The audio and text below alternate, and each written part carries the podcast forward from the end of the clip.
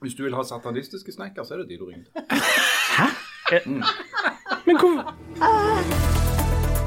Det foregår noe skikkelig skummelt i nabolaget til Leif Tore Linde. Og er det ikke egentlig litt skummelt å drive streike nå når det er korona? Og er Joe Biden egentlig en satanistisk pedofil? Er det derfor han ikke bør bli president i USA? Og bør f.eks. Aftenbladet trykke disse Muhammed-tegningene nå som det er sjau igjen? Hjertelig velkommen til Aftenbladet. Eh, Harald Birkevold, kommentator og menneske, i hvert fall. Eller medmenneske. Hjertelig. Kommentator og medmenneske, ja. Ja. Det, der har du meg. Eh, professor og medmenneske Janne Stigen Drangsholt, velkommen. Takk for at du kalte meg òg for Ja. medmenneske. Vær så god. Journalist og medmenneske Jan Sahl, eller Røde Sal, som vi nå kaller deg under lønnsforhandlingene, for du er med i lønnsforhandlingene. Jeg er med Men Det hva er det- skal vi komme tilbake til. til. det skal vi komme tilbake. Men hva er det som har stukket deg, da, medmenneske Leif Tore Line, som er så plutselig så, så positiv og, og, medmenneskelig i Han er jo introduksjonen alltid det. Han er jo dine alltid med- det. Jo, men jeg har, jeg har, nå har jeg et ekstra behov for å, å se at eh, jeg er omgitt av medmennesker. Um, Ja. og det har rett og slett med, har vi, vi skal i gang med skikkelige ting, men har vi tid til en liten omvei rundt nabolaget mitt? Først, Det vil jeg absolutt anbefale. og dette henger litt sammen med det som eh, vi snakket om før vi begynte opptaket her, nemlig at det, det finnes eh, onde krefter eh, rundt oss. Og dette her er altså Jeg, jeg bor i et rekkehus um, der det er ganske lytt. Det er veldig lutt. Det er så lutt at på lørdagsmorgen så kan jeg gå ut til naboen og gi han en high five og gratulere han med flott innsats på den romantiske fronten dagen før. Det er, etter Skavlan så Ja, ja. Er det ikke Skavlan, ja? Ja, det er som regel Jeg pleide alltid å bruke den der Norge Rundt-pausen. Nei, det er etter, etter Skavlan. Det, og de, disse folka her er altså det er verdens aller beste naboer, men de er dette er steinerskolefolk, så du vet aldri helt hvor du har de, ikke sant? Det er Sånn fagelærer og Ja. eurytmi og, Og det, alle, alle, alle som kjenner til steinerskolemiljøet, vet at det eneste som er sikkert, er at den gjengen leker ikke batikk. De leker ikke på De leker ikke batikk. Så det er en litt sånn tvilsom bande, dette her. Og på jeg har, Det har vært noen tegn på at denne gjengen her har lefla med et eller annet litt sånn ondt. Altså, eh, Borgerlig konfirmasjon på alle ungene. Oh, nevne det. nei. Ja, ja. Jeg har flere ting. Eh, han har flere ganger klipt hekken på søndager. ja, ja. Mm, gjerne midt kjerketider. Eh, de er blodgivere. Ja, jeg bare sier det. Eh, Men de- drikker de blod? Nei, det vet jeg ingenting om. Men de er blodgivere, det syns jeg er mistenksomt. De er veldig glad i halloween. Litt sånn ekstra glad i halloween. Er de? Ja. Og det er en del sånne tegn. Og, og la meg si det sånn, det er ingen geiter i nabolaget vårt. Akkurat. Sier ikke at det er noe der, sier ikke at det ikke er noe der heller. Men det har vært noen sånne små tegn til at muligens at de driver lefle, men det er litt ondt. Ja. Og eh, på lørdag morgen, eller litt utpå dagen, så satt jeg og ante fred og ingen fare, og satt der og ikke gjorde noe som helst, og prøvde å fortsette med det. Helt vanlige dag, altså. Ja, Ja. og da hørte jeg ifra eh, nabohuset, da. Eh, og jeg vet ikke, jeg har jo ikke lov å uttale sånne ord eh, høyt. Men vent litt. Grann. Um, kanskje du, Jan, kan hjelpe meg? Du er jo en iskald eh, djeveldyrker. Iskald Eh, nihilist og djeveldyrker, ja. Djevel, djevelen har jo et eh, navn som begynner på S. Satan. Ja. Kan du, kan du liksom halvveis rope det i en litt sånn passiv-aggressiv måte, med litt sånn djupt brøst? Og begynne litt djupt, og så øker det på litt sånn i denne her. Mm. Satan! Nemlig. Det var den lyden jeg hørte fra nabohuset. Sier du det? Ja. Og først én gang. Og så kom det Du skuespiller nå, Jan. Eh, Så kom det en gang til. Satan! Og så, og så ble det bare liksom eh, en slags messing rundt dette. Så tenkte jeg nå, nå har naboen begynt å tilby djevelen. Um, og det må han jo for så vidt få lov til, men, men det er jo sånne ting som gjerne kommer litt overraskende på. Ja, Iallfall på en Og fredelig dette var på en lørdagsmorgen. lørdags formiddag. Nemlig. Denne djevle Og så dyrkinga når til. du kombinerer det, og det med at er det noen geiter i nabolaget? Nei, det er det Nei, ikke. det er Hvor er det geitene hen? Mhm. Det begynner å nærme seg halloween, um, og de har en unge igjen som skal ha borgerlig konfirmasjon, ganske riktig. Så det er en del tegn på at han har begynt rett og slett å tilbe djevelen. Ja. Um, og, og spent. vidt. Altså, du er søndagsskolelærer Linde. Hva tenker Ja. ja. Da Nei, begynner det å gå rundt for deg, for du tilbyr jo også ulike ting. Ja, så tenker du jo Ja, jeg heier jo litt ublygt på det andre laget, men så tenkte jeg at det er en slags balanse som er i ferd med å oppstå her. Um, og så ser jeg da litt utpå at det er en eh, kar som, um, som begynner å eh, I all verden. Nå skjer det noe veldig rart her. Land og rike. Nei, midt i OK, vi, vi kommer tilbake til den historien eh, om eh, ikke så veldig lenge. Å, maken. Beklager å avbryte, men det er en stor dag. Det er altså et 100 episoders jubileum av Aftenbladet. Dere kjenner sikkert veldig på det. Prestasjonsangsten har sikkert meldt seg. Absolutt. Her er kaka. Og jeg vil bare gratulere dere med 100 episoder av Aftenbladet. Gratulerer med hundrevis av nye lyttere, hundrevis av nye gjester og hundrevis av nye høydepunkt. Vi står jo på utsida av den døra hver episode. Organiserer køen av besøkende som har lyst til å komme inn. De står og klorer. Og det er jo ordførere, det er jo musikere, det er politikere, skarpe journalister. De står her, vil inn. Det er dere som sitter her. Ingen får lov å være med. Ta det med dere. Denne kaka her, den er fra hele regionen av trofaste lyttere. Eh, de takker for mjukt innpakka folkeopplysning. Setter veldig, veldig stor pris på det. Eh, og hvis dere ikke sprer det til noen andre ut forbi dette rommet, så kan jeg si, og jeg har skrevet det ned så jeg skal huske det, dere er de smarteste, Ja. de mest reflekterte, Ja. og de løgneste som jobber i dette mediehuset. Absolutt. Gratulerer med 100 episoder. Kos dere med kaka. Å, tusen takk. Nei, nå altså. Nå, altså. Her sitter du og forteller en uskyldig historie om at naboen antageligvis har begynt å tilbe djevelen, og så kom det marsipankake. Det er helt fantastisk. Nei, ja, Jeg, dette tror jeg aldri jeg har opplevd før, faktisk. Ifra folk i bunad. ja, det er jo det verste av alt. Vår egen digitalredaktør har tatt på seg eh, finstasen. Og kakeansvarlige Eh, Bjørnar. Ja. Her står kakeansvarlige og stolt. Vi har egne kakeansvarlige. Kakeansvarlig har vi. Det helt nytt. Multimediaavdelingen er til stede. Jeg må innrømme at jeg trodde at den historien min om at naboen har begynt å tilbe Satan, ikke kunne bli bedre, men det er klart når du får fløtekake til. Men fortell hvordan takk. Ja, Tusen takk. Ja, Ja, dette var enestående. ja, dette var fantastisk. Altså. Noe Så mye altså. bilder av oss på. Ja, det er, se så fint. Dette er helt unikt. Har du sett? Jeg var på vei ut for å smelle Akkurat. Er det, er det noen som på stående fot kan huske hvor i historien det går? Du var kommet til Du var der med den geita, det var ikke en geit å se. Og så hadde du hørt denne grusomme banningen. Det var ingen geiter å se. Du begynte å lure. Hva skjer? Jeg ser bare på fløtekaka, men jeg hører ikke hva må du sier. sprette den kaka. Ja, OK. Men vent, du, La nå fortelle. Okay, ja, Vi må ta noen bilder av den. Men ok, så skal jeg prøve altså, å, å, å få i mål dette her. Det var det med geitene og, og, og djevelen og, stein, og Steinerskolen. OK. Det er jo helt vanvittig. Hvordan, klarer du å sy sammen en, en, en historie om djeveledyrking på, på Nedre Tjensvoll med dette, liksom? Nei, det er spesielt. Det er veldig spesielt, ja. Okay. Men kom igjen. Bare for, nå, står jeg, nå står vi altså og ser på ei fløtekake, eller ei marsipankake, såkalt skinnkake, med bilde av oss sjøl, mens vi prøver å komme i mål. Jo. Jo. Denne naboen, eh, etter å ha helt åpenbart hatt en slags form for okkult messe der inne, eh, kommer ut. Og så tenker jeg jeg må jo nesten gå ut og, og på en måte spørre. Eller Ja, må du egentlig det? Ja, for det, det hadde jeg aldri gjort. For hvis, hvis det er noen være ritualer på gang, så er det jo du som går først. Ja, men det, dette er han, naboen min, han er Altså, vi bor så tett at vi, vi deler jo, som jeg innleda med, mye mer informasjon om hverandre enn en egentlig vil. Ja. Um, og, og det er òg han som er ansvarlig for å gjøre alt praktisk arbeid hjemme hos meg. Um, okay. ja, Uansett, jeg måtte og tenkte at uh, ja ja, kan vi jo være en slags kompetanse å kjenne en djeveldyrker. Uh, så jeg var på vei ut, og så plutselig så ramler jo mynten ned, da. Og det er jo at jeg har litt seint oppfatta at her har det vært en fotballkamp. Han er jo beinhard Liverpool-supporter. Og det har vært lokal derby mellom Liverpool og Everton. Og Liverpool har altså fått et mål annullert på overtid. Så aldri var offside. Én millimeter muligens. Aldri. Men det er jo selvfølgelig det han har reagert på.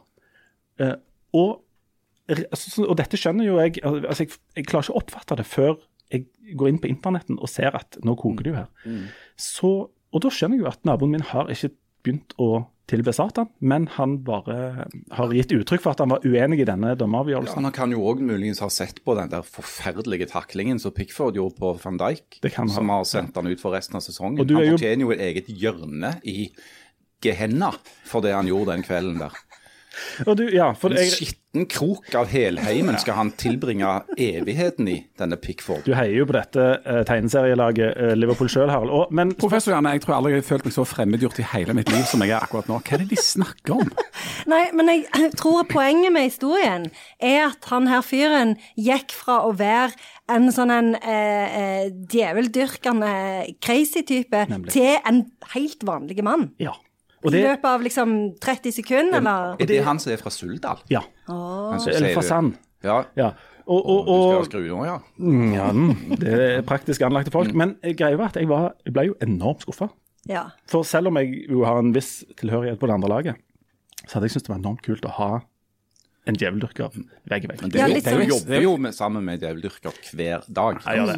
Det er jo eksotisk med djeveldyrker, det skal de Ja, ha. det er det. Vi jobber altså med, eh, med ei som har tilbedt djevelen på fulltid i perioder. Og Kine Hult ligger jo å være anonym, så hun trenger ikke liksom navn. navn. Ja. Men Kine har jo eh, gjort penger på dette, gjort karriere og blitt eh, berømt. Hva var det heter de bandene hun spilte i? Satyricon. Satyricon spilte de. Det har hun spilt. Så en liten hilsen til Kine, men kommer aldri til å røpe navnet ditt, selvfølgelig. Nei. Skal vi gå over på et annet emne? Ja, og nå er jeg spent på hvordan vi skal Hvordan vi skal komme komme videre her. Det er jo alltid en utfordring i denne podkasten. Ja, ikke sant. Um, um, Den overlater vi til deg, Leif Tore Linde. Ja. Vi- vi- vi kan, eh, For å få en litt soft overgang, så har jeg fått to tilbakemeldinger siden sist. så Vi kan bare få unnagjort det. Den Ja. ene er skrøyt til Janne sine anbefalinger, som et menneske syns var veldig gode. Hadde fulgt alle med stort hell. Og Men hun nå, reanbefaler jo alltid bare Jan sin anbefaling. Nei, men jeg kommer òg med en anbefaling i tillegg til den. OK. Ja. Eh, men det var veldig bra, det måtte du fortsette med. Vi trengte ikke vente så, vente så lenge ut i programmet før de kom. Å, ja. Det var mye kjass først. Eller Han sitter bare og venter på anbefalingen til Janne. Han, Jeg liksom. føler jeg kom kjempedårlig ut av, av, det, av den tilbakemeldinga. Altså, hun anbefaler ting jeg har anbefalt, og så er det hun som får skryt for anbefaling. Hun anbefaler det på en mye finere måte enn det. Ja, så sier de det mye tydeligere. Du mumler litt, du, Jan. Men den andre tilbakemeldingen er litt mer sånn generelle, og den, der kommer du ganske godt ut av. Der var det eh, et menneske som sa at eh, hun, det var ei dame, som likte alle som var med. Til og med Harald Birkvold, som ikke virket så lettlikte. Det er noe av det fineste folk har sagt til meg på veldig, veldig lenge. Ganske, ganske spot on der. Lettlikte det var veldig fint ord. All right. Du, vi skal, vi skal snakke om, uh, litt om karikaturtegninger og uh, konspirasjoner og den type ting. Men jeg lurer på om vi skal gå en litt, eh, ta noe litt lettere først. Vi nevnte i starten her at Jan, du er um, fagforeningsmann og er med, nå med i lønnsforhandlinger. Og vi skal snakke litt om streik og den type ting. For å gi oss en soft inngang til det, kan ikke du fortelle litt om hvordan en lønnsforhandling egentlig foregår? Er det sånn at du på vegne av meg trapper opp på redaktøren sitt kontor og brøler 'Vi skal ha mer lønn', og så sier han ja, OK. Slå hånda i bordet beinhardt der. Nei, altså Lønnsforhandlinger det er jo en, en eh, litt sånn eh, surrealistisk affære, egentlig. For det er jo en slags eh, en måte å organisere at folk er rykende uenige om ting på.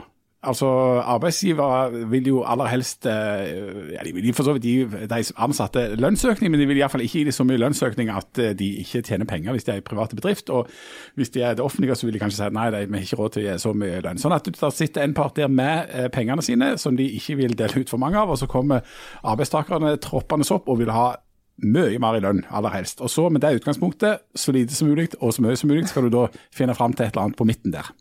Og det skjer eh, gjennom det som kan være både Altså med egentlig ganske dårlig stemning.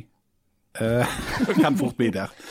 Fordi at, eh, og, og, det, og det er jo et spill uh, som begge er klar over at de sitter og spiller et spill. Uh, og du må holde et alvorlig ansikt, og du må bruke så mange gode argument du bare klarer. Og der kan det bli veldig uh, dårlige stemninger av. Du kan gå ei kule varmt, og du kan eh, ja, kan, du må ta noen timeouter av og til, eh, rett og slett. Eh, på sånn, eh, det foregår jo på, på statlig nivå sånn at det har vært forhandlinger gjennom de, liksom, med de store organisasjonene nå nettopp. Eh, F.eks. sykepleiere, som jo ble veldig hylla eh, i denne koronaperioden. Var dere med og klapte for dem? Nei. Nei, jeg klapper ikke folk. eh, og da ble Resultatet av de forhandlingene ble at eh, sykepleierne skulle få 1,7 eh, i lønnsøkning.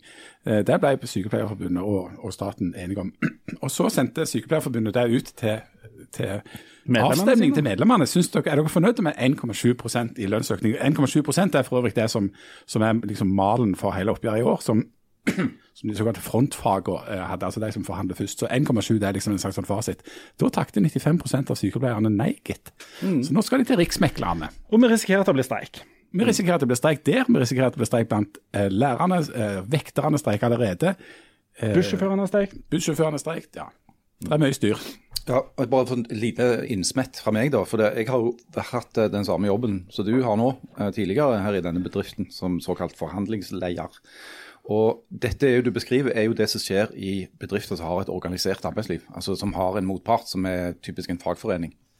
Uh, nå er det jo dessverre sånn at uh, store deler av det private næringslivet må klare seg uten der. Det er jo forhandlingene mye mer sånn én-til-én mellom deg og sjefen, uh, som blir enige om hva du er verd. I organiserte bedrifter som Aftenblad f.eks., så blir jo dette ordna mer på eh, kollektiv basis. da. Så det er jo en for, forskjell. Eh, det som jeg syns er litt rart eh, akkurat nå, eller det er ikke rart for det er forståelig, men det er rart allikevel, det er at mange sier at er dette liksom en tid å streike på? Eh, når f.eks. når bussjåførene streikte for å få bedre lønn. Så, så tenker jeg ja, hvorfor skulle det ikke være det? Altså, Streik skal jo ikke være noe, skal jo ikke være noe gøy. Altså, Streik skal faktisk være ganske sånn upraktisk og kjipt. Eh, og når bussjåførene streiker i en sånn koronasituasjon, så setter de jo et ekstra liksom, press på eh, motparten sin. Og vi må ikke glemme at streikevåpenet, som det da heter på fint, er jo det maktmiddelet så arbeidstakere har. Arbeidsgiverne har omtrent alt annet. De kan bestemme hvor du skal jobbe, og hvor tid du skal jobbe, med hvem du skal jobbe med. Eh, Men du kan, hvis du er organisert, streike. Og så er det jo sånn at du, Reglene er jo sånn at du kan jo ikke streike når du vil. Så det er jo i forbindelse, det er veldig sånn Ja, det er organisert. regler sant? for dette her, Ja, sant? veldig mye regler. Så Derfor synes jeg at disse her så, så hisser seg opp og, og, snakker om at dette er en tid å streike på. De har liksom ikke helt skjønt hva som er poenget med streik. Men, men blir ikke det våpenet ekstra sterkt, og at det kan utnyttes ekstra nå når verden er i en ekstraordinær situasjon? Altså det, sånn som i dag, så har legene begynt sin streik. så er det tatt ut hva var det, tre-fire fastleger her i, i Stavanger f.eks. De, de kommer til å jobbe som fastleger, men de tar ikke vakter på legevakten, institusjoner og sånn. Det, det må jo være ekstra kraftig. legene vet jo forbaska godt at de er en av de yrkesgruppene som ikke kan streike særlig lenge eller særlig mye før dette blir avgjort med såkalt tvungen lønnsnemnd, fordi at det går utover liv og helse. Akkurat det samme dilemmaet har sykepleierne. Det samme dilemmaet har brannfolk, politifolk. Folk som har såkalte sånn samfunnskritiske uh, yrker. Uh, de har jo en på en måte svakere streikerett enn mange andre grupper. Eh, altså Universitetsprofessorer for eksempel, i lingvistikk de kan streike så lenge de vil. Det er jo ingen som merker om de No, altså, no offense. eh, Journalister tror jeg òg er de altså, vi, vi er faktisk definert som Samfunnskritiske. samfunnskritiske. Ja, jo, det. Ja, men, det, men det er sant at, at, at Det er ikke lov å le, Janne. Vi kan le av ditt yrke, du har ikke lov å le av vårt. Men det er jo litt løye at du, Leif Tore Linde, Er samfunnskritisk. Men ok. Men, men det er jo et godt poeng, der, for at det, altså, streik må jo ha en slags effekt. Du må jo vise når du streiker at, det har en slags, at du har en slags rolle og en slags effekt. og Der er det et problem hvis du f.eks. er professor i, i engelsk lingvistikk, og, og at det ikke blir analysert ett eneste dikt, eller at du er filosof. sant? Ja. Eh, som, ja, så, så dere streiker jo ikke så ofte, dere. Professor Janne. Jeg husker det ene året når jeg forhandla om lønn, så sa de til meg at du får ikke høyere lønn nå, men om to år så får du høyere lønn. Og da sa du ja takk. Tusen takk. Ja. Men har du vært med på noen Har du vært med og streikt du på vegne av Nei, jeg har, det er av og til så får jeg sånne e-poster eh, om at nå skal vi snart ut i streik, kanskje. Mm. Men da bare sletter jeg de, for det jeg kommer ikke til Jeg har streikt to ganger. Jeg har òg vært med og streikt. Vi, vi streikte et år fordi vi ville ha mer ferie, var det det? Noe sånt? Ja. Der argumentet var fordi vi fortjener det. Det, var, det var ikke så mange som syntes det var et godt argument. Nei, og Jeg husker jo den siste dagen vi sto på sånn streikevakt, der så kom det bort en person jeg kjenner som sa 'Å, har dere begynt å streike?' det er jo alltid en veldig skuffelse. Men, men, Men det er jo sånn som Harald sier, at du kan jo ikke bare liksom bestemme plutselig at eh, nå kan vi ikke streike fordi at Du må ikke åpne den døra for at eh, nå kan vi ikke streike fordi nå er det en spesiell situasjon. Da går det jo aldri an å streike. En streik skal per definisjon være noe som absolutt ikke passer. Mm. Eh, Det skal være i alle sin interesse å få den avslutta så fort som mulig. men, Helst ved at arbeidsgiverne gir seg. men, men nå når det er den koronasituasjonen her, er det de som streiker, eller er det motparten som egentlig sitter på de sterkeste kort? For du nevnte dette med eh, hvis du har en kritisk funksjon, dette med at du kan altså Øvrigheter kan bare si at eh, vet du hva, det er for farlig at dere streiker. at dere får ikke lov. Er det de er det lønnstakerne eller er det arbeidsgiverne? Hvem er det som har, eh, sitter på de beste kortene nå i den situasjonen som vi faktisk er i? Arbeidsgiverne, helt klart. Eh, fordi både når det gjelder det med, med, med streikeretten, altså hvor, hvor reelle den er. Eh? For sykepleiere og leger er den veldig lite reelle. Eh, og det andre er jo at koronasituasjonen og de økonomiske utfordringene den har skapt, eh, gir jo arbeidsgiversiden veldig sånn, sterke argumenter for å ta det med ro med lønnsøkninger. Men samtidig så er jo koronasituasjonen burde jo gi arbeidstakerne sterke kort på når hvis du f.eks. er sykepleier eller lege eller eh, for den saks skyld omtrent butikkmedarbeider, mm. som har vært liksom utropt til de store heltene. Og Det var jo en av de store diskusjonene da i, i, i vår, at en fikk øye på en del yrker som ikke nødvendigvis er så eh, høyt lønna, men som viser seg å være helt avgjørende i en krisesituasjon. Mm. Så de burde jo hatt bedre argument enn noensinne for å få et kraftig rykk på, på lønnstid. Men det viste seg pussig nok bare å være festtaler, det. Pussig nok, altså det var med lærere og sykepleiere. Ja. For det, at, og, og det, og det, de er ikke viktige nok til å få lønn. Nei, men vi har fått kake. Ja. Vi har fått kake. Ja. og så viste det seg vel at de eneste som ikke hadde jobber som var samfunnskritiske, var influensere. Skogvoktere på Finnmarksvidda.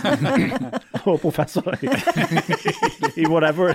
Professor i Ted Huge. Ted Huge. huge. Men du Janne, du har aldri vært med å streike.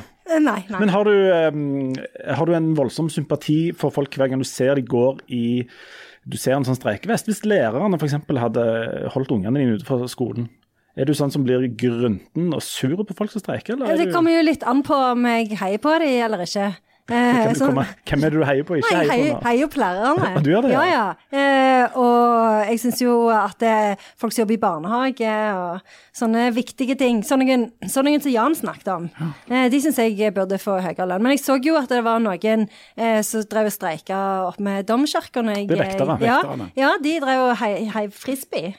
Jeg måtte gå, eller, oh, ja. måtte gå en omvei for, for å komme hit. Ja, sikkert. Mm, det så ikke ut som de Men du er veldig veldig kjedelig å stå på streikevakt. Mm, ja, det er nok veldig kjedelig. Men du er med i Forskerforbundet?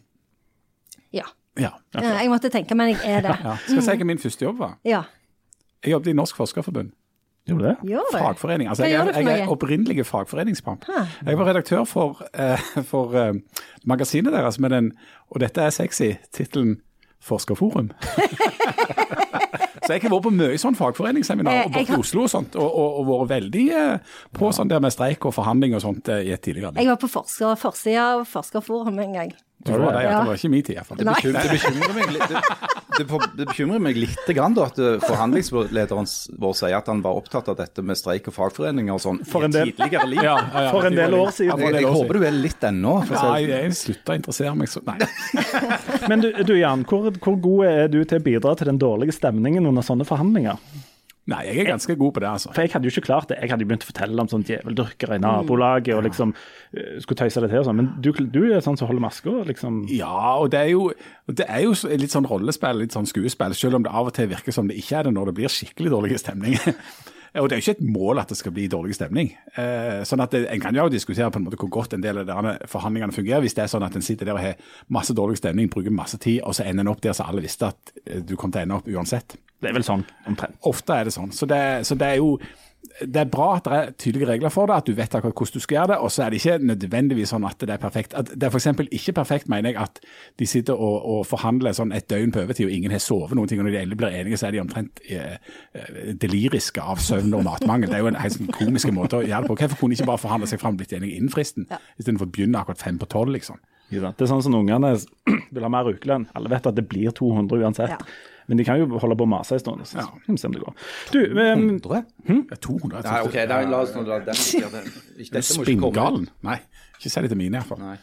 Nei, altså At kona mi får 200 kroner, det syns ikke jeg er mye. Var det kroner? Ja, da er det oh, ja, okay. nei, nei, men Det får vi ta en annen gang. Du, Før vi nå hopper over på, på og skal snakke litt om karikaturtegninger og konspirasjoner, så tror jeg vi skal la eh, Janne få anbefale noe, sånn at eh, en av våre lyttere kan slippe å høre på resten. Kan jeg bare smette inn her? Nei, du får ikke, ikke hvis du nå reanbefaler noe jeg anbefalt lytter, så var det altså jeg som anbefalte det først. Men jeg, nå syns jeg du, du skulle vært helt rolig, ikke si noe. og så la gjerne eh, seile sin egen sjø. Ja. Morning show. Nei. Morning show. Nei, nei, jeg, eh, jeg, har jo anbefalt morning show så mange ganger, men jeg anbefaler det ennå, altså. Ja, okay, hadde, ja. Men um, jeg har, kan jeg ha to anbefalinger? Ja. Fordi at eh, jeg ble veldig deprimert eh, forrige uke. Og det liker du jo godt. Ja, og det, fordi at jeg begynte å tenke på Tenk hvis vi må reise til Stryn neste sommer òg. Eh, og eh, liksom prøvde å finne på noen steder i Norge hvor jeg kunne ha lyst til å dra. Jeg kom ikke på noen ting. For Stryn er ikke ei øy i Hellas. Nei. Nei. Naxos, Stryn, Korfu. Stryn er jo stedet Gud glemte. Nå lurer jeg på hva Harald holder på Han er blitt spesa. Uansett. Anyway, så plutselig innså jeg at New Order har kommet ut med en ny sang. Som heter Beer Rebel. Nå tror jeg alle prøver å svelge tunga si.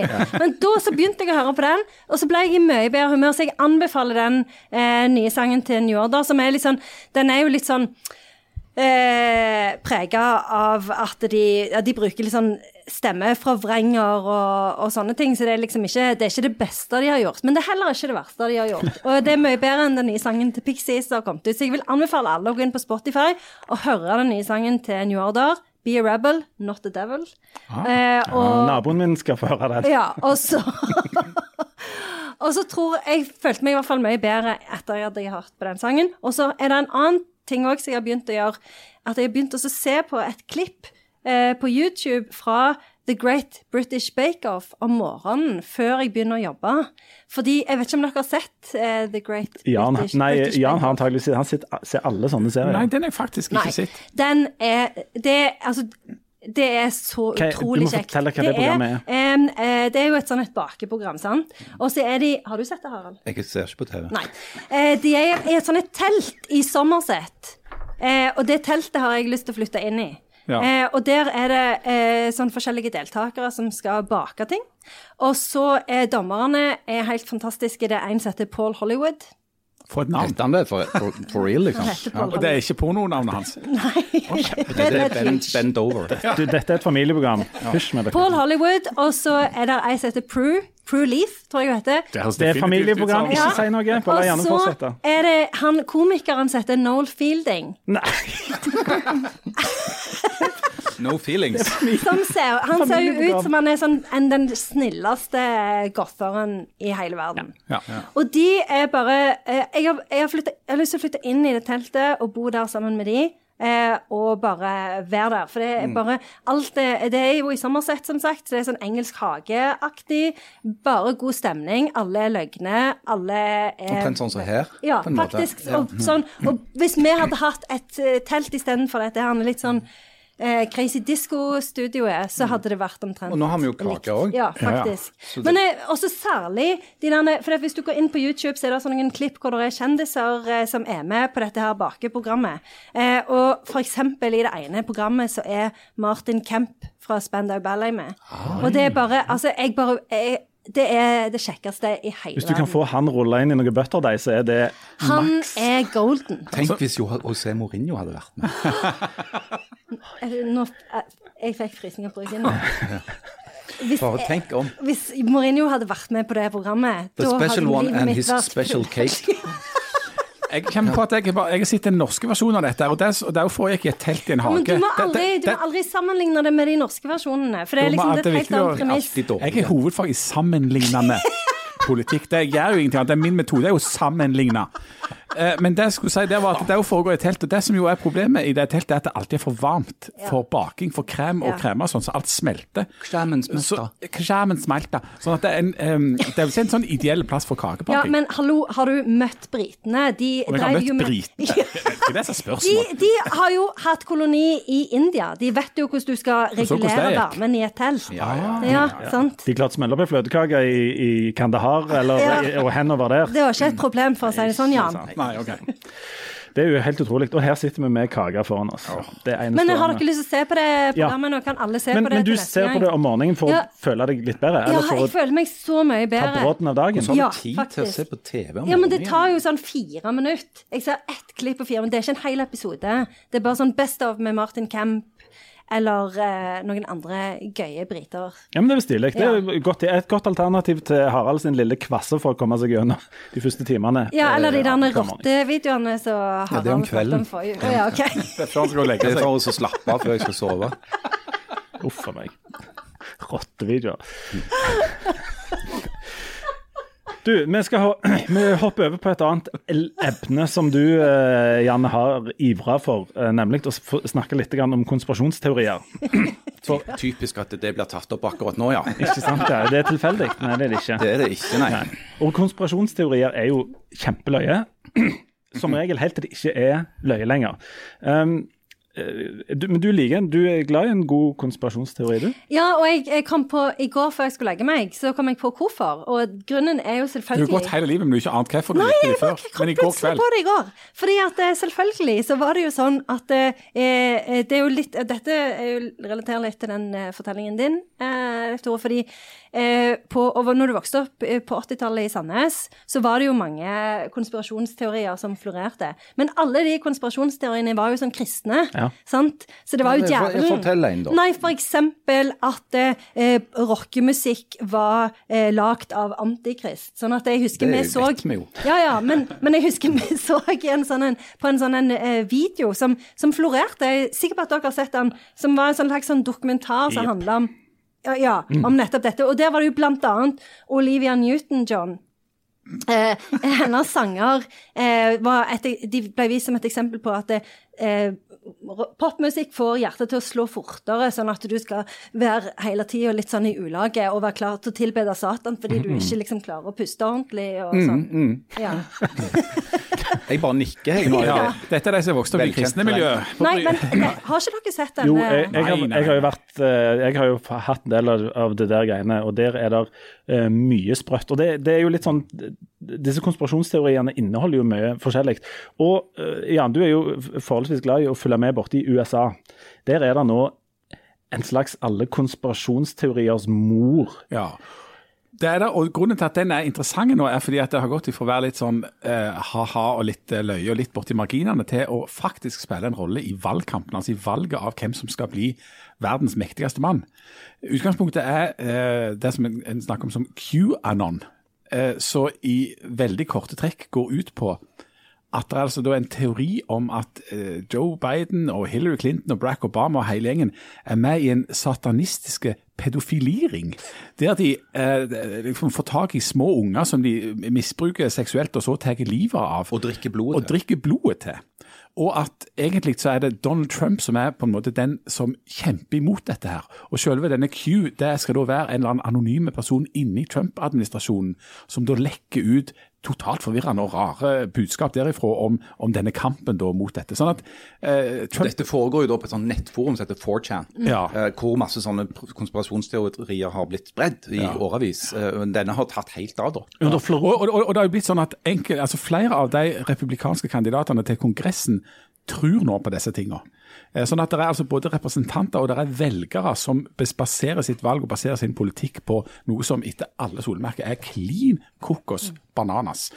Og, og, og på siste TV, altså på denne her eh, townhallen, så det heter, altså et sånt folkemøte med, med Donald Trump, så ble han jo spurt om dette her. og Da begynner han med sånne unnvikende svar og snakker om at ja, nei, jeg vet ikke helt om hva det er, jeg vet ikke, jeg har aldri hørt om det, og sånt, som jo er bare tull. Og så sier hun litt om hva det går i, så sier han ja, men jeg hører de jobber jo mot pedofili, og det er jo veldig bra. Og i motsetning til Antifa på venstresida, de driver jo bare jobber for terror og blod. Altså, klarer å snu det helt om. sånn at det, det, det helt surrealistiske situasjon. En, en, annen, en annen konspirasjonsteori som jo han har vært en, en forkjemper for, og som jeg òg har sett liksom, møte folk på gata i Washington eh, for Dagsrevyen og spør hvordan de skal stemme, så sier de ja, men jeg skal stemme på Trump, og sier at eh, covid-19 det er noe som er utvikla av Kina i samarbeid med demokratene. Altså Demokratene i USA har nærmest bestilt covid-19 fra Kina for å ødelegge for Trump i valgkampen. Og, og Trump, eh, Trump lanserte jo òg, når han for første gang eh, lanserte tanken om at han ville stille som kandidat til presidentvalget, så var jo det med denne såkalte birther-teorien om Barack Obama, at han da ikke skulle være født i USA og altså ikke var valgt til president på, på falske premisser, så å si, som òg er en, en eh, fullstendig tilbakevist. Men det, det hjelper jo ikke.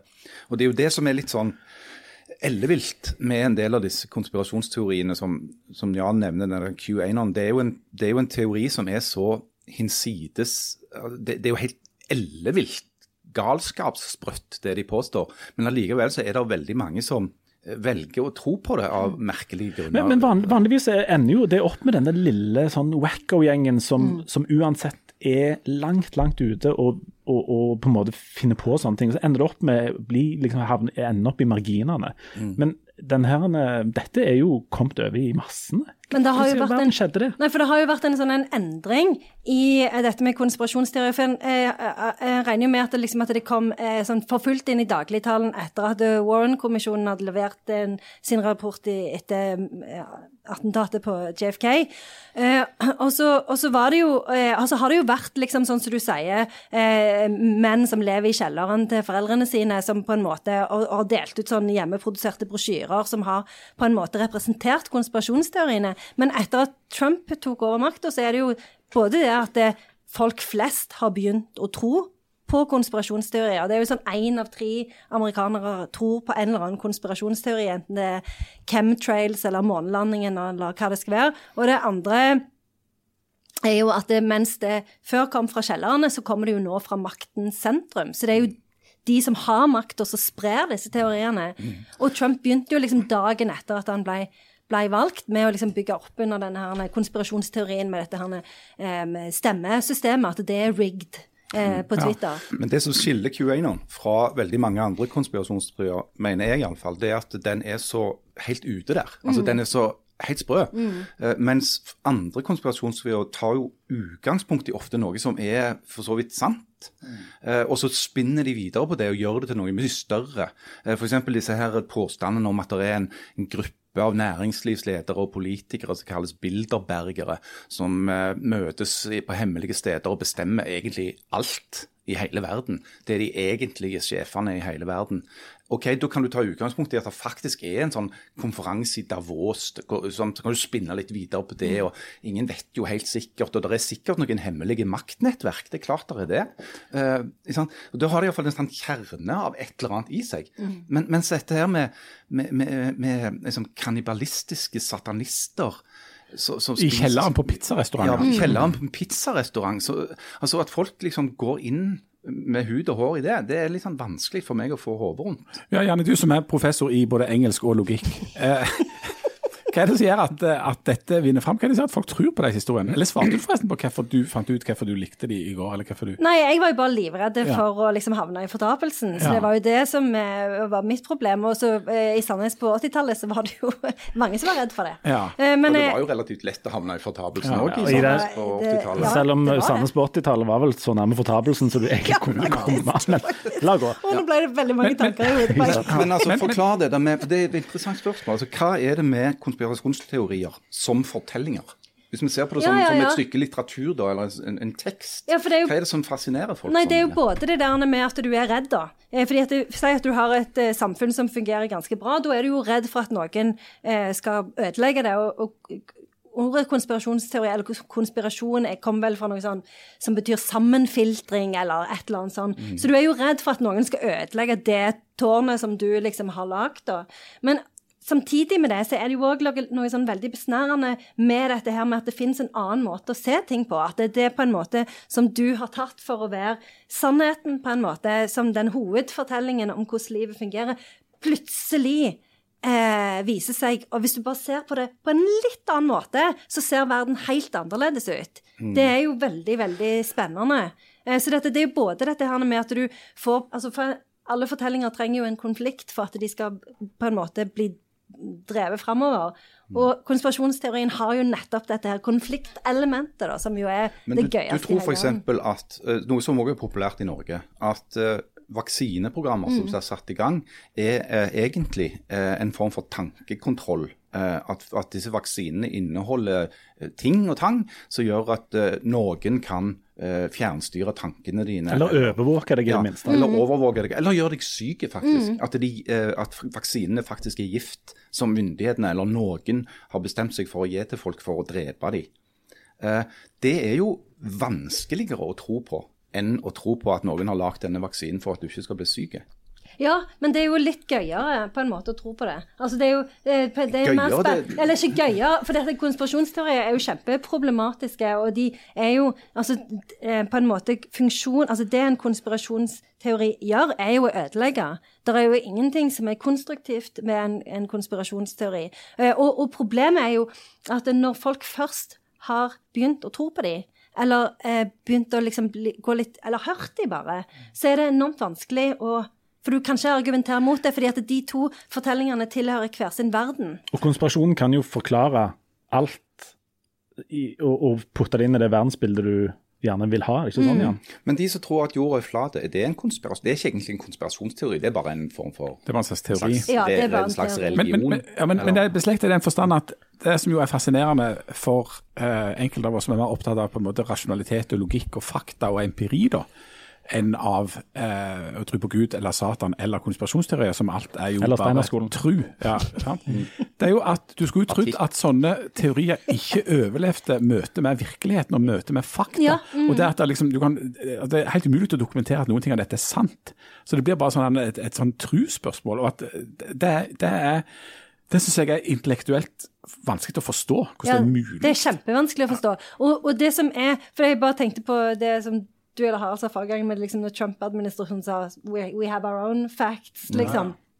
Eh, og det er jo en sånn en teori som går ut på at den amerikanske uavhengighetserklæringen faktisk ble skrevet som en sånn respons på en sånn konspirasjonsteori, for det gikk et rykte om at eh, kong George skulle angripe USA, så derfor så var det sånn, vi må i hvert fall skrive en uavhengighetsdeklarasjon. Så den amerikanske staten er jo egentlig bygd på en sånn konspirasjonsteori, da. Og det er jo noen som tror at det, liksom, det er derfor det på en måte har Det begynte der, og så har det bare For det er du, jo har, du har jo altså varianter av dette i Norge. og Jeg, jeg husker særlig når, når denne bompengedebatten var på sitt aller mest oppheta i et par år siden.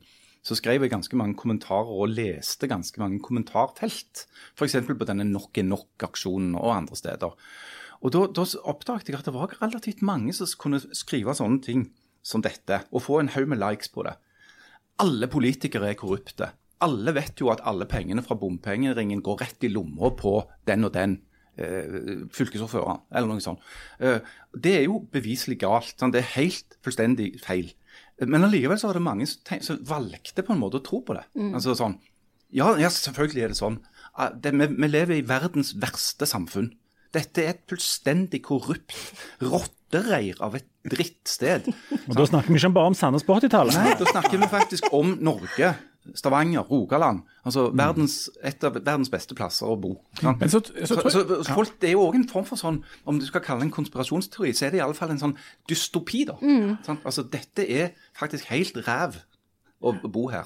Drittland. Men jeg, jeg mener at det, også er, at det er beslekta med det som jo er irrasjonell tro, altså f.eks. religion. da.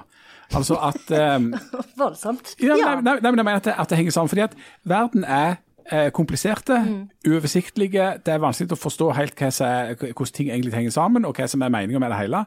Eh, da, trenger, da er det veldig eh, eh, Det er et slags behov folk å få, finne en slags forklaring, finne en slags mening, en slags sammenheng. Så jeg tror jo at det er mennesker som har funnet opp Gud, og ikke motsatt. fordi at du, da, får du svar på en hel del spørsmål. Det samme kan du si med konspirasjonsteorier. Hvorfor er verden sånn i dag? Jo, fordi at det sitter en konspirasjon der og der. Sånn at det gir en, en veldig enkel forklaring og en besnærende fortelling om hvordan verden er skrudd sammen, som, som det kan være lett å ty til, og, og som en slags trøst istedenfor å gå rundt i sånn sartaktig eksistensielt forvirring. Den, forvirring. Den lokale filosof, filosofen Svein Tang Hva har jo sagt det som trengs å si om dette. her. Det er en mann i pulatoren. Men det er jo ikke bare, som regel blir jo ikke konspirasjonsteorier brukt for å trøste. Som regel blir det jo brukt for å fucke opp stemningen. Og det er jo derfor de, sånn som f.eks. med jødene da under andre verdenskrig, eller eh, med muslimer eh, rundt altså Det har jo ofte blitt brukt for å på en måte ha en god grunn for å utslette folkeslag eller eh, Ja, ja. Anders Behring Breivik viste jo til flere altså helt konkrete konspirasjonsteorier eh, i sitt såkalte manifest eh, etter 22.07. Og Det var bl.a. denne Eurabia-teorien da, eh, om at det er en slags konspirasjon for å befolke eh, Europa på ny med muslimer. Og En av de tingene som, eh, som til og meg som, eh, som en, hang, en viss hang til religiøsitet ser, er en, eh, at der disse tingene overlapper, er jo at det at eh, verken på en måte det religiøse eller konspirasjonen nødvendigvis kan bevises, er i seg selv et bevis på Ja. at den finnes. Og det er jo veldig problematisk, fordi at det er òg veldig og nærmest umulig å argumentere mot. Um, Og at argumentet blir tatt på som, som, som bevis for hele konspirasjonen. Og du sier ja, men det viser jo bare at du er helt sånn på lag med Bergeren eller de der andre folk. Ja. Og, og sånn som med Trump, så er det jo, har han jo sett en sånn en ny type konspirasjonsteori, hvor du ikke har teori, du har bare konspirasjon. Sånn at han bare sier liksom at det, eh, A lot of people say that. Og så liksom sier han et eller annet, og så sier han ikke helt hva det er, men so there's something funny going on liksom her. Så, så, dette, så, så, så med Trump så føyer jo dette med konspirasjon seg inn òg i dette her med fake news og liksom det eh, Bare en eller annen sånn indikasjon på at noe er feil, men jeg sier ikke noe mer, liksom. Du, før vi, før vi avslutter, så skal vi ta et lite, en liten sekvens på noe som òg har med, med religion og kultur og sånne ting å gjøre. På forrige uke så ble det jo altså drept en lærer i Frankrike i en forstad til Paris. Um, han hadde vist fram disse mye omtalte Muhammed-tegningene i time for sine elever. Uh, han ble da drept av en tsjetsjener på som var 18 år. Ja. Um, og dette har jo liksom fått opp denne diskusjonen om disse karikaturtegningene. Og siden vi driver og lager avis og sånt, jeg vet at du har særlig er lei av å diskutere dette, men vi skal gjøre det allikevel. Vi driver med ytringsfrihet og avis og den type ting. Um, bør, I en sånn en situasjon, er det naturlig for oss f.eks. å vise disse tegningene, om ikke annet for å vise hva saken handler om? Ta en liten runde på det. Harald. Ja, altså Når jeg sa at jeg var lei av det, så var det ikke fordi at jeg mener det er en uviktig diskusjon. Eh, Men det som jeg er litt lei av, er at når denne diskusjonen kommer opp, så er det alltid en eller annen ute på kanten som roper noe sånn som at alle burde egentlig trykke disse tegningene absolutt hele tiden, bare for å vise eh, hvor vi står. Eh, at du, Da innfører du et omvendt ytringsfrihetsbegrep, altså det som ligner mer på ytringsplikt. Og jeg er imot ytringsplikt. Jeg mener at det kan være journalistisk, redaksjonelt relevant å vise de tegningene av og til, eh, hvis de skal illustrere et poeng. Eh, jeg ser ikke at det er en journalistisk plikt å provosere bare for å provosere. Eh, det det syns jeg ikke det er. Eh, den, den episoden i Paris viser jo òg at eh, det fortsatt er et, et, et langt stykke å gå eh, for å få en sånn allmenn aksept eh, hos alle i befolkningen av at eh, det er ikke de som er mest lettkrenka, som har, har rett til å definere hva slags ytringer som er akseptable. Eh, hvis, du kan, hvis du tenker en sånn tanke ut i ytterligheten, så, så vil det jo være umulig å si noen ting. Eh, og det, det mest tragiske med hele affæren syns jeg at dette var jo ikke en, en publisist. Altså Dette var en historielærer som brukte disse eh, tegningene for å illustrere den debatten som oppsto når de ble publisert. Altså, Helt 100 innafor Og det, ble, alle mulige det var ikke en provokasjon. Nei, og han, sta, han, han starta med å si at hvis noen vil, følte seg støtt av dette, så kunne de gå ut, sånn at de slapp å se dem. Sånn han advarte på en måte på forhånd. Men jeg mener, altså når du snakker om publisering, så er det jo sånn at Stavanger Aftenblad har flere ganger publisert eh, karikaturene i- fra Jyllandsposten eh, under den debatten. Altså Både når den eh, kom opp, og også i senere eh, diskusjoner av det. Vi har vel ikke publisert noe nå. og hvis en skal eh, eller, og har, har norske aviser gjort det i særlig grad? Ikke i denne runden her. Er, Og, men, men sier det noe om klima? For at hvis du skulle, altså jeg, jeg er helt enig at du ikke drive og publisere dette her bare sånn hele tida bare for å provosere eller bare for å liksom, få fram et poeng.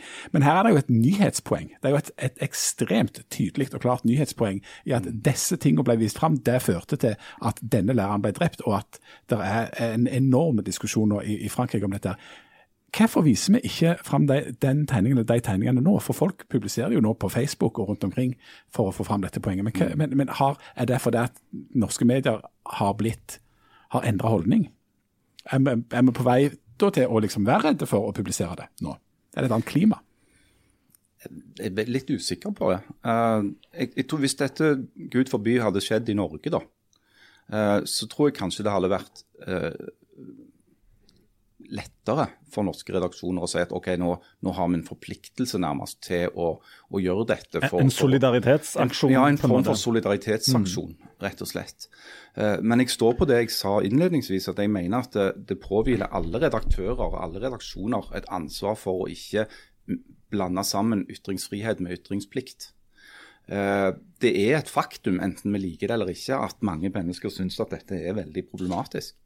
Eh, de- Det der forbudet mot å gjengi tegninger av profeten som eh, i parentes bemerka, ingen vet hvordan det så ut. Eh, det fins, enten vi liker det eller ikke. Eh, sånn at når en skal gjøre det, så skal en gjøre det med en viss form for kan si, omtanke. da.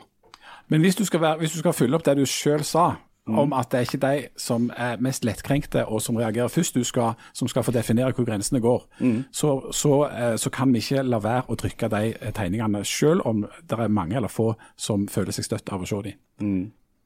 Altså Den uh, søramerikanske kunstneren Andres Serrano lagde Jesus Christ, for en referanse. Her er vi Andres Serrano fra Sør-Amerika. Ja, Han lagde jo denne berømte skulpturen som heter Piss Christ. Altså Hvor han Ja. har et krus krusifiks som er slenka ned i et glass med, med hans egen urin. Ja.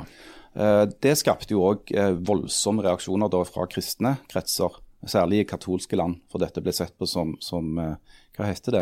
Blasfemi. Blasfemi. Eh, vi husker jo selvfølgelig òg veldig godt eh, diskusjonen rundt Monty Python sin, sin eh, Life of Ryan. Eh, og andre sånne. Som ble forbudt i Norge. Som ble forbudt i Norge. Sånn at Det er jo ikke sånn at dette er et domene som, som eh, muslimer har noe sånt eh, eksklusivitet og enerett på.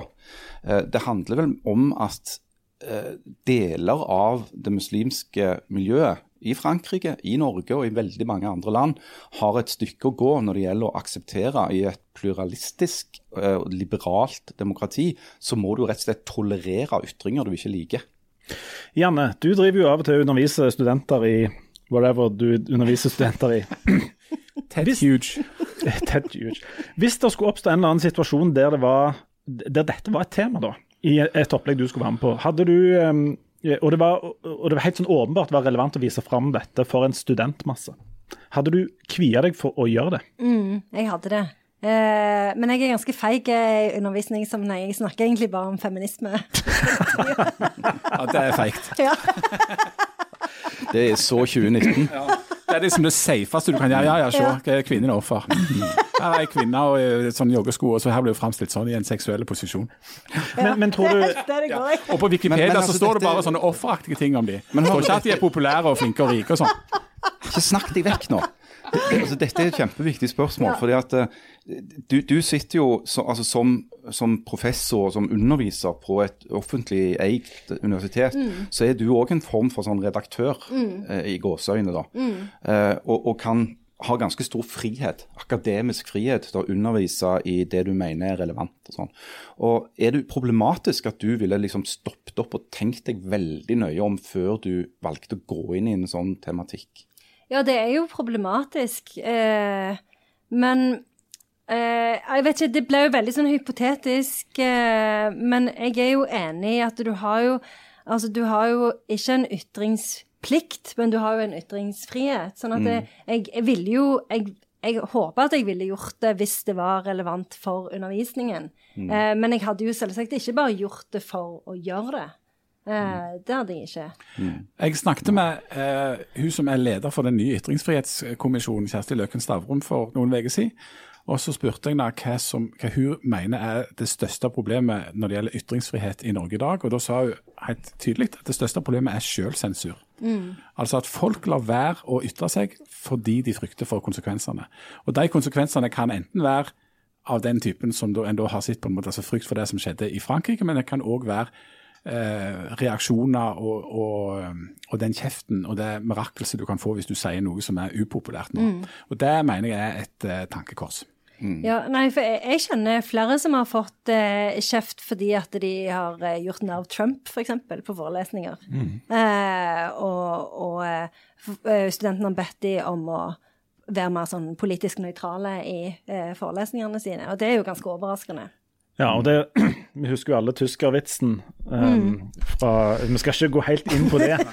Men det kan en fantastisk bra historie, da. Ja, Tyskervitsen. Og brukbar vits, Ja, eh, brukbar syns vits, jeg, men, eh, men, eh, men la gå. OK. Du, vi, vi, vi går mot avslutning der. Um, for å binde det hele i sammen på en uverdig måte helt slutt her. Um, har dere noen, noen som har lyst til å lansere en, eller har en privat sånn konspirasjonsteori som de har lyst å bare på en måte hive ut? Jeg har en, nemlig. Ja, Ja, kjør på. Og det er vår gamle venn, sønnen til Kjell Magne Bondevik Bondevik. Husker dere han? Ja. Vi har snakket mye om han. Og jeg har funnet ut han heter sønnen til Kjell Magne Bondevik Bondevik. Ja. Jeg tror han har starta et nytt parti. Nå igjen? Ja. Altså, Det er et parti i det nye partiet Sentrum. Der er, for det, De som er mest i sentrum av de som har starta partiet Sentrum, Ja. det består av han, og så består det av Norsk Bondelag og Norsk Luthersk Misjonssamband. Det er de. Hold følge nå. tre, Ja. ja. Og målet deres er å få lagt ned alle Steinerskolene i Norge for å unngå djeveldyrking.